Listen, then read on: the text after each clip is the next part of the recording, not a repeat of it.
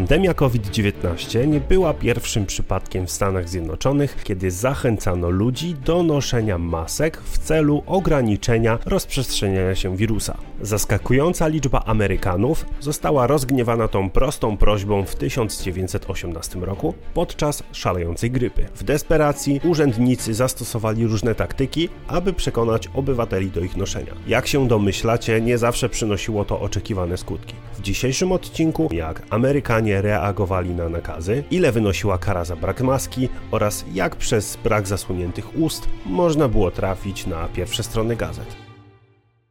Jesienią 1918 roku w Stanach Zjednoczonych było jasne, że pandemia grypy wymyka się spod kontroli. Rosnąca liczba zachorowań w całym kraju zmusiła władze do wydania bezpośrednich zaleceń, by ludzie nosili maski. W niektórych stanach były one częścią szerszego zestawu działań polegających na zachowaniu dystansu społecznego, myciu rąk i ogólnej czystości. Niektóre miasta uchwaliły prawa, które wymagały noszenia masek przez cały czas. Tak było na przykład w Phoenix, San Francisco, a co ciekawe, nawet na Alasce. Za niestosowanie się do zaleceń groziły kary, które wahały się od grzywny aż do więzienia. Jeden niesławny incydent miał miejsce w San Francisco, gdzie policjant, który zajmował się egzekwowaniem noszenia masek, zastrzelił mężczyznę, który wcześniej odmówił zakrywania ust. Dodatkowo dwie postronne osoby zostały trafione podczas tego zdarzenia. Innym razem, także w San Francisco, podczas walki bokserskiej, którą oglądało wielu dygnitarzy z miasta i rządu,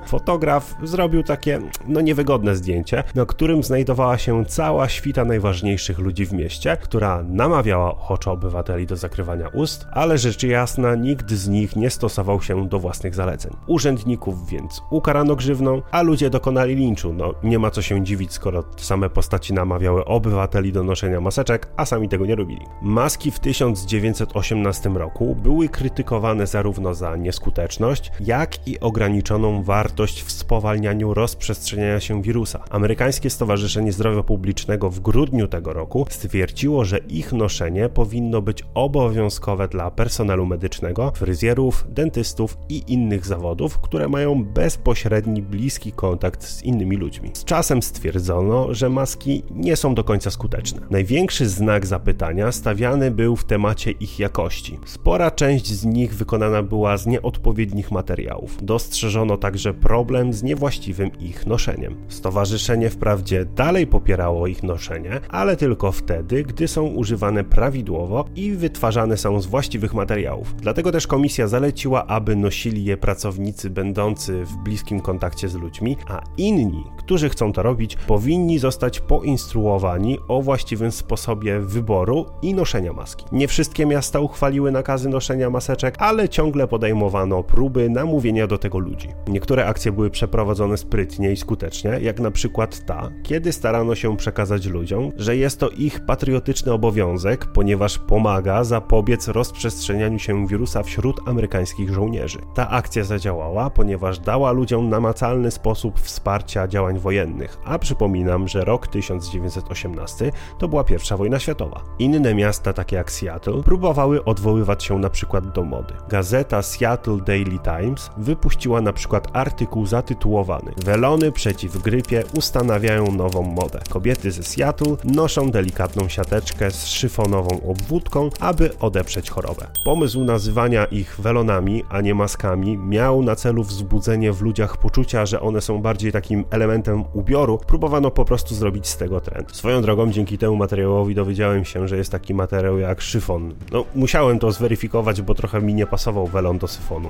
Niektóre sposoby przyniosły jednak negatywne skutki. W niektórych miejscach lokalna gazeta drukowała nazwiska osób, które zostały przyłapane na braku maseczki. Więc siłą rzeczy ludzie w tamtych rejonach podchodzili do nich jak do zła koniecznego. Standardowe powody, które obywatele podawali, kiedy pytano, dlaczego nie noszą maseczek, były raczej takie same jak za naszych czasów, czyli przede wszystkim ograniczenie wolności oraz niewygoda. Inni zaś wskazywali, że maski są nieskuteczne i wiele z tych skarg rzeczywiście miało pewne uzasadnienie, chociaż często nieskuteczność wiązała raczej się bezpośrednio z ludźmi, ponieważ nie nosili ich prawidłowo, na przykład robili w nich dziury, aby palić papierosy, co praktycznie niwelowało ich skuteczność. Obywatele w różny sposób manifestowali swoje niezadowolenie i sprzeciw, pojawiały się protesty organizowane przez grupy antymaseczkowców, powstało na przykład coś takiego jak antymaseczkowa liga, ale mimo to na ogół ludzie stosowali się do przepisów wymagających noszenia lub robili to ze względu na presję społeczną i poczucie obowiązku. To niesamowite jak reakcje społeczeństwa i ogólnie cała dyskusja dookoła maseczek, nakazów, zakazów, sprzeciwiania się im w 1918 roku pokrywa się z tym, co wydarzyło się raptem 3 lata temu. Jeżeli chcielibyście posłuchać o innych chorobach, to polecam wam odcinek o pladze tańca, tajemniczej epidemii, która zmuszała ludzi do tańczenia, niejednokrotnie doprowadzając ich do zgonu.